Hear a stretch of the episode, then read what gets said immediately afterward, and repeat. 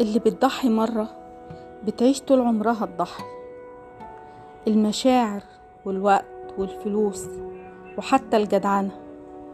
لو أسأت استخدامهم وغرقت بيهم اللي قدامك بيهدرها للأسف وبيسيء استخدامها وبيعتبر إنها حق مكتسب بعد كده ليه.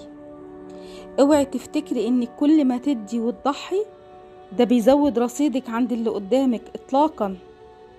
انت بس اللي بتحسي بألم التضحية وانت بس اللي بتعيشي فيها. محدش هيتخيل إنك ممكن تاخدي من أساسياتك عشان رفاهياته. انت اللي بتتبالي وتضعفي وتقعي ويوم ما تيجي تتسندي على اللي سندتيه اوعي تتفاجئي إنك سندتي على هوا وأوعي تتفاجئي برضه برد فعله. هو اتصرف بمنتهى الأريحية. مجاش على نفسه حتى ولا ضغط عليها عشان حد. وكل واحد حر في الطريقة اللي بيتعامل بيها. ده منطقه.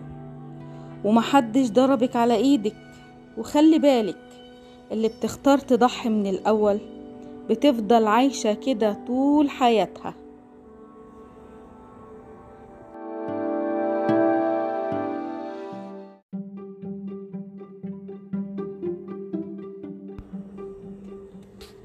أيها اللا شيء الثقيل من أخبرك أن صدري متين وأن ظهري جدار لا يهد ولا يلين. من أخبرك أن روحي لا يتعكر لونها وأن قلبي لا يكسر كجر الطين.